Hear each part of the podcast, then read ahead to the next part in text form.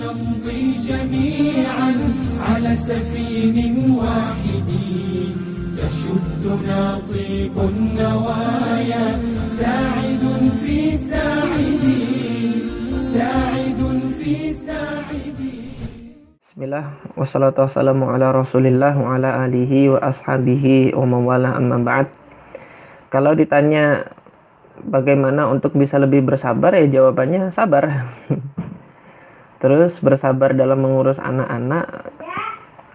Kiat-kiatnya itu apa gitu kan. Maka perlu disepakati bersama. Anak-anak itu beban atau dia anugerah. Nah, dari jawaban ini, kalau kita menganggap anak-anak itu anugerah, eh, lelah dalam mengurus mereka itu akan menjadi satu kenikmatan. Tapi kalau menganggap anak-anak ini adalah sebagai beban, maka ya dia akan menganggap mengurus anak-anak itu adalah kelelahan dan beban bagi bagi hidupnya. Tapi ketika eh, menganggap dia meyakini bahwasanya anak-anak itu adalah anugerah dari Allah Subhanahu wa taala, maka kelelahan dalam mengurus mereka itu insya Allah akan tergantikan dengan kebahagiaan tersendiri gitu bagi bagi orang tua pada saat mengurus anak. Nah jadi yang seperti ini hendaknya kita mensyukuri uh, anugerah Allah Subhanahu Wa Taala. Tadi kalau ditanya yang seperti itu apakah beban atau anugerah, tentunya orang yang beriman akan menjawab dia anugerah. Maka celakalah orang yang menjawab bahwasanya anak itu adalah beban hidup. Kalau dia beban hidup kan uh, dahulu pada saat menikah kenapa kok berharap-harap untuk diberikan momongan oleh Allah Subhanahu wa taala. Setelah sudah diberi, ke mana rasa syukurnya gitu.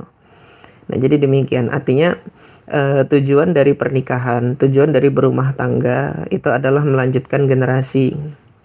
Allah Subhanahu wa taala memberikan kenikmatan untuk bisa berhubungan suami istri, itu Allah Subhanahu wa taala menitipkan tanggung jawab anugerah dan tanggung jawab serta amanat di balik itu. Karena kehidupan dunia sunnatullah sudah Allah Subhanahu wa taala jadikan seperti ini gitu kan. Nah, pada saat Allah Subhanahu wa taala memberikan uh, anugerah dan kemudian amanat yang seperti itu kepada para orang tua, hendaknya yang pertama dia harus mensyukuri terlebih dahulu bahwasanya anak-anak itu adalah anugerah Kemudian setelah ia mensyukuri bahwasanya anak-anak itu adalah anugerah, maka yakini bahwasanya anak-anak itu adalah amanat dari Allah Subhanahu wa taala. Nah, untuk menjalankan amanat ini gitu kan, untuk menjalankan amanat ini Allah Subhanahu wa taala di dalam Al-Qur'an itu kan pernah menyampaikan bahwasanya Allah memang memberikan amanat, itu pernah menawarkan amanat itu kepada uh, langit, gunung. Uh, silahkan nanti diperhatikan surah Al-Ahzab ayat 72. Allah Subhanahu wa taala berkalam, "Inna 'aradna al-amanata 'ala samawati wal ard wal jibal." Kami uh, tawarkan amanat ini, kami tunjukkan amanat ini di hadapan langit, bumi dan gunung. Fa'abaina an yahmilnaha. Semuanya itu menolak untuk membawa amanat tersebut wa ashfaqna minha. Mereka khawatir untuk bisa membawa amanat tersebut. Wa hamalahal insan. Kemudian manusia itu membawa amanat tersebut. Innahu kana zaluman jahula. Tapi ketahuilah bahwasanya manusia itu pada dasarnya adalah uh, makhluk yang senantiasa melakukan kezaliman dan senantiasa jahil.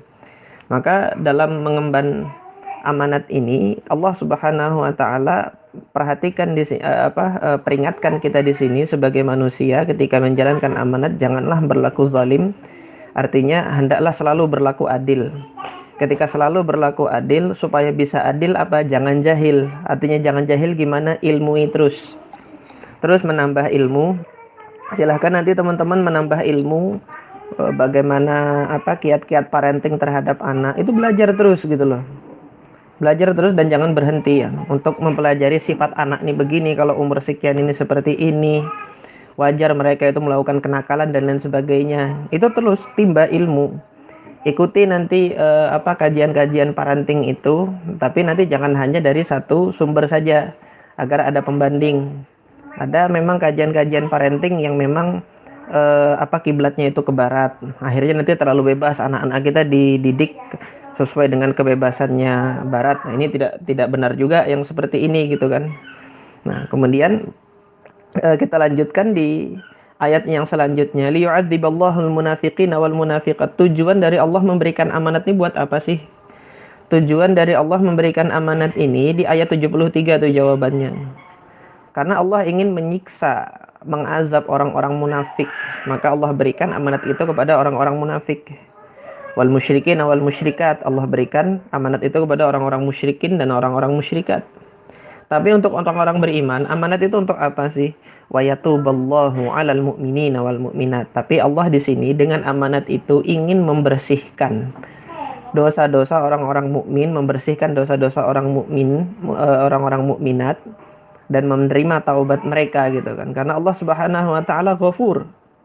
Maka sampai di sini para orang tua nanti yang merasa lelah dalam mengurus anaknya, yang merasa lelah dalam mendidik anaknya seperti itu, ketahuilah bahwasanya Allah Subhanahu wa taala sedang menggugurkan dosa-dosa kita dalam merawat anak-anak ini bagaimanapun nanti kenakalan mereka gitu kan bagaimanapun nanti kita melihat ujian yang Allah Subhanahu wa taala jadikan pada pada diri mereka itu sejatinya Allah Subhanahu wa taala sedang menggugurkan dosa-dosa kita Karena tidak lain mereka itu adalah anugerah uh, dan mereka itu pada saat yang sama juga adalah amanat yang Allah Subhanahu wa taala titipkan kepada para orang tua ini. Mudah-mudahan ini bisa menjawab uh, Subhanakallahumma rabbana wa bihamdika asyhadu an la ilaha illa anta astaghfiruka wa atubu ilaik. Assalamualaikum warahmatullahi wabarakatuh. نمضي جميعا على سفين واحد يشدنا طيب طريق النوال